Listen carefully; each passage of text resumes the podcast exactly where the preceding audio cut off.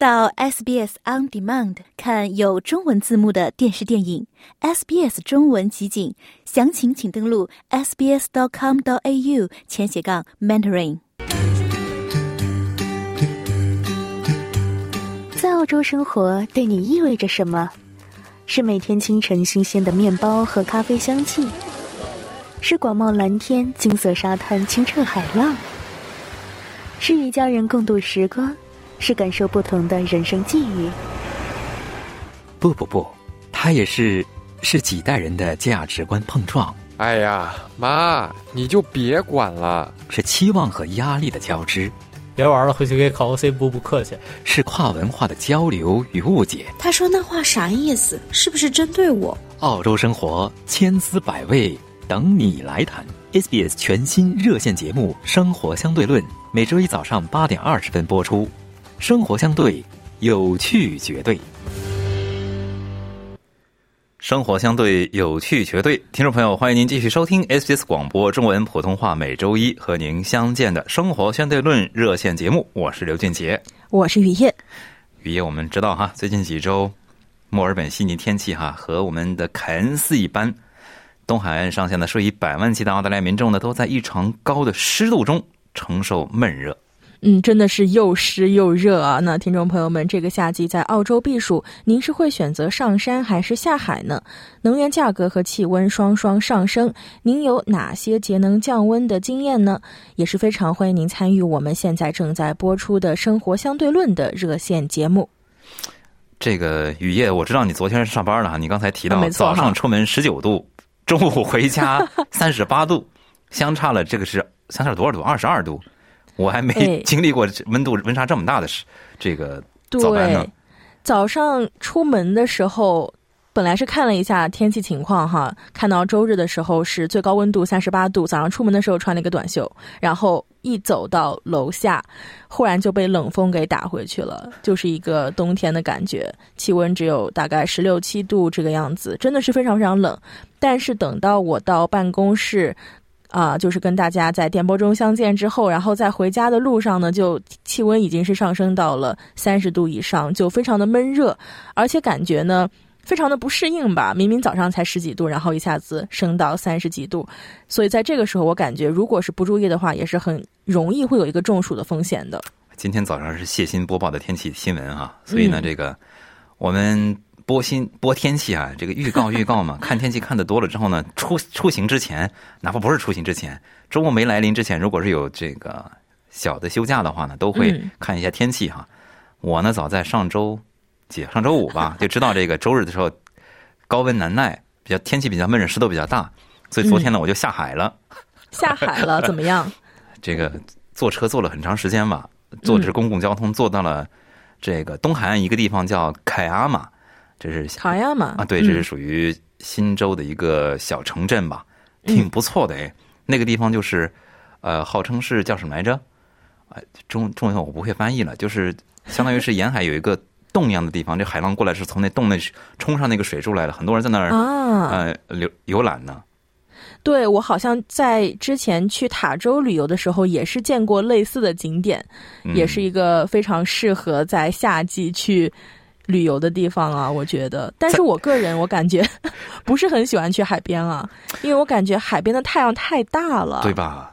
嗯是大，但是呢，这个好在它温度低呀、是吧挨？着只要挨着水，它温度低，风大呀，它凉快，只要抹上足够的防晒霜也能忍受，还是比较舒服的哈。就是相对来说，有的时候我会看啊十、号频道的一个呃真人秀吧，叫叫做《邦代 Rescue》，就是在悉尼的这个邦代海滩附近会拍的一个片子，啊就是看到海滩上真的是对讲的是救生员在。邦代的海滩上去救援的故事啊，真的是看到那边的海滩上是人山人海，而且是有非常多的背包客、学生以及外来的游客，真的是非常繁忙，感觉是来澳洲必定要去的一个地方。哎，但是你这个说的我个人太重要了，对，没错，说的太重要了，因为人山人海，就是看到别人都下海的时候哈、自己就会怎么说呢？有些不会，甚至不会游泳，都想去浴室一下，这个就比较危险了。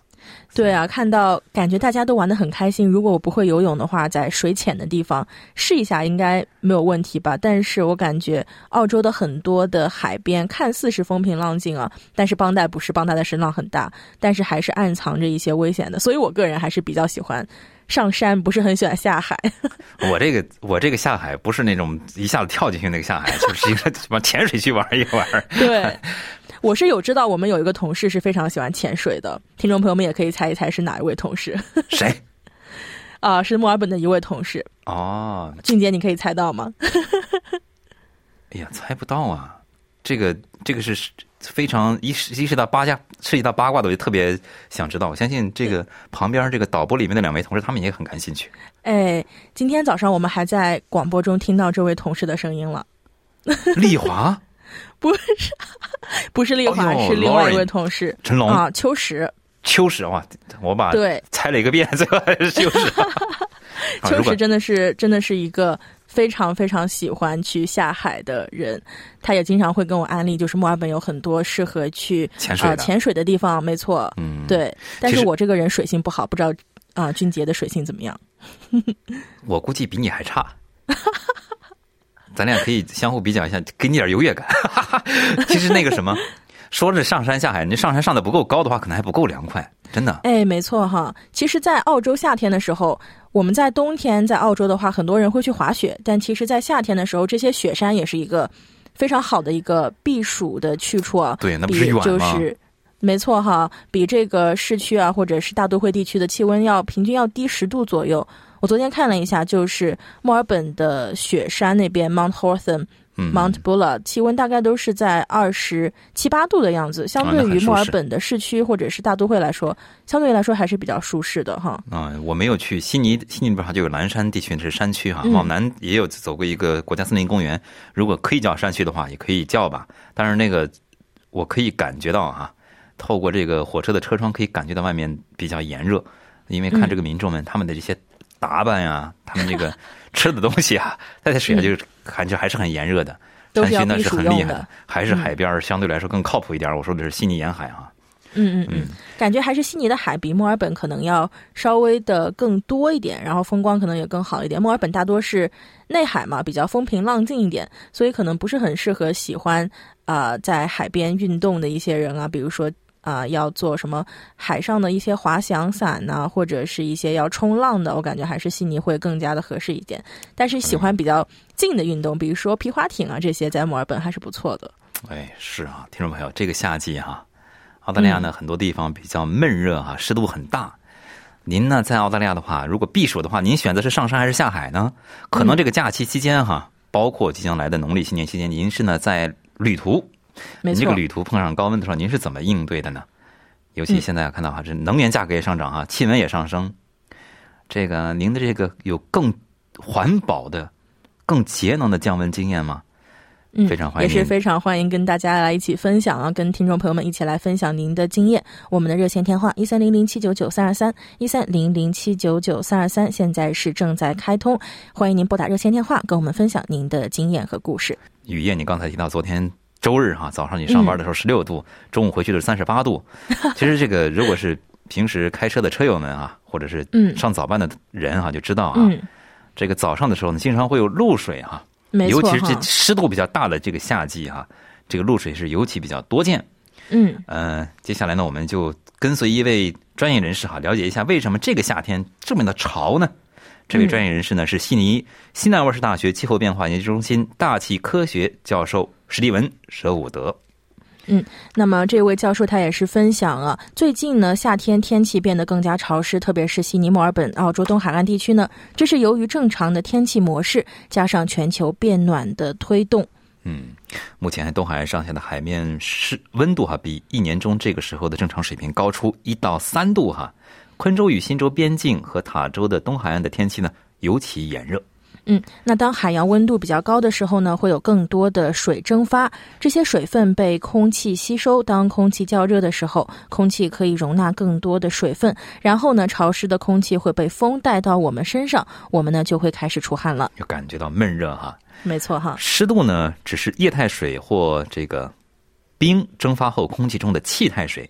湿度越高，下雨的可能性当然也就越大哈。较高的湿度呢，使我们在温暖天气中呢感觉到更热，就是这种炎热度更高。呃，并且呢会减慢这个晾衣绳上我们的这个衣服啊，花园里的植物的这个干燥的速度，这个衣服干起来温度会挺高，但是呢湿度大了之后呢，衣服晾的确实是比较慢。嗯，没错，而且这个湿度啊，如果是一大呢，其实是非常危险的。炎热天气下呢，我们的自然冷却系统呢是汗水的蒸发，皮肤上会出汗，空气呢会将汗水蒸发带走热量，但是呢，这仅仅是在一定的程度下有效。嗯，就是当露点较高，这个露点呢，就是相对来说哈，相对这个湿度说的湿度呢，经常我们说湿度百分之百，不是说这个都是水，而是说这个空气中含氧这个。水汽的这个含氧度百分之百就相当于饱和了，这个湿度相当于是这种怎么说呢？湿度越大的时候呢，露点呢相对来说就稍微偏低一些哈。嗯。呃，气象局呢使用一种称为表观温度的方法来捕捉这个温度和湿度的综合影响。呃，就是说在湿热高峰期间呢，随着湿度的增加，它会使这个刚才我们就有采访专家哈，就热应激变得更严重。并使我们的这个接近哈身体的物理极限，就是特别容易呢，呃，受这个热度的影响。嗯，没错。那最近也是有研究表明呢，如果达不到巴黎协定的目标，湿度和热量的结合呢，可能会使地球部分地区变得不适宜居住。这种情况可能首先会从印度开始，然后蔓延到热带地区的其他地方，包括澳大利亚的北部地区。哎，我知道这个，我们的同事也去了这个。达尔文对吧？我们的农历对，昨天林默也是在达尔文，我也是因为工作原因啊，去到了达尔文。对，昨天并且我们有同事，包括我们的新同事，今天在演播间的 David，他虽然没有参与我们这个新闻的播读哈，会在明天参与哈，很期待。对，昨天还有我们的同事 Lily 都去了，周丽哈都去了这个 Hurstville 的这个农历新年活动现场，其实都是非常热的哈，一是热闹，二是天气是真的热。嗯。红红火火的感觉，也也是有过年的感觉了。闷热的天气如何保持凉爽呢？专家也提了一些哈。其实昨天我用的就是这个这位专家，这位专家赶快跟大家来分享一下。就是史蒂文舍伍的他推荐的啊，就是要使用风扇睡个好觉，因为天热的时候睡个好觉非常的必要，能睡着就很很难得了。嗯，没错。而且呢，除此之外，我们还可以去使用湿。湿毛巾或者是冰毛巾来降温啊，用湿毛巾包住碎冰，然后将其包裹在脖子上。职业网球运动员呢，我们经常可以看到是会这样做去保持凉爽，这也是通过传导呢，直接从身体吸收热量，从而避免了蒸发的需要。嗯，还有呢，就是可以弄湿衣服哈，比方说将我们夏天穿的 T 恤衫水浸湿之后重新穿上，那确实会凉爽一些哈。主要是减少核心温度，就是说只要核心温度低了。人就容易睡觉，这是为什么？洗个澡之后呢，核心温度觉得低，然后就觉得啊困了，嗯，就跟汗水蒸发是一样的哈，就是个把这个衣服弄湿。还有个额外的好处，那就是不会使身体脱水，因为包了一层水。或者呢，直接用喷雾或者是湿海绵把这个皮肤弄湿，也能达到同样的效果哈。这是三个点儿。嗯，保湿了也是。那其实呢，刚才也是分享了三个可以用的策略，但其实还是有很多策略啊，我们平时经常用到，但是其实效果却。没有效果或者是不起作用的，对，就对这个潮湿闷热哈。嗯，一个是蒸发冷却，它有个设备就是靠这个蒸发冷却的哈。蒸发冷却器的工作原理是让热空气穿过这个湿膜进行冷却的哈。在炎热干燥的日子里是非常有效的。其实平时夏季的时候，应该是悉尼是炎热干燥居多哈。嗯，但在潮湿的这个夏季哈，空气能容纳的这个额外水分就减少了，所以呢蒸发量也减少了，因此这个空气就是蒸发冷却器呢就不太管用了。嗯，那另外一点呢，可能也是很多人会在夏季去做的一件事啊，我也是一样的，就是喝冷饮。虽然冷饮呢可能会让大家感到非常的凉爽，但是可能这只是一种感觉啊。嗯，身体呢会使冷的液体或者是冰变暖，同时呢这会减少出汗，从而减少，从而减少呢通过蒸发损失的热量。而且无论饮料有多冷，这都会导致相同的体温就是没有一个降温的效果。所以专家建议呢。呃，这个喝冷饮呢，可能用处不大。这一点呢，我斗胆挑战一下专家，我觉得很大，心理作用非常大。对，一下子喝下去，感觉非常的冰爽啊！就在我心理作用看来，还是作用还是有的。哪怕听个凉爽的歌都那个心理作用都很大的，真的。没错，心静自然凉嘛，这种感觉。对，第三呢，涂防晒霜可能对这个预防闷热不太管用。呃肯定是不太管用的，我觉得。但是呢，就是怎么说呢，可以防晒。昨天我这个是闷热嘛，对吧？但你要嗯出去户外是必须得抹防晒霜的，不论嗯雨夜上山还是我下海，防晒霜是必不可少的。哎，虽然说有的时候我们可能看到，就是是如果是上山的话，有很多的这个呃树木或者是绿植的这个遮盖啊，但是还是有很强的紫外线的。如果是在呃外面暴露时间长了之后呢，呃皮肤可能会感觉到红红的，或者是痛痛的、痒痒的，这样呢就是其实是受到了这个紫外线的伤害了。在澳洲呢，做好防晒的工作特别重要，特别是在夏季的时候。哎呀，这个非常感谢啊，听众朋友们在清晨的陪伴啊。虽然专家建议呢喝冷饮啊难以应对这个闷热天气哈，嗯但是呢，我认为是可以的，心理作用。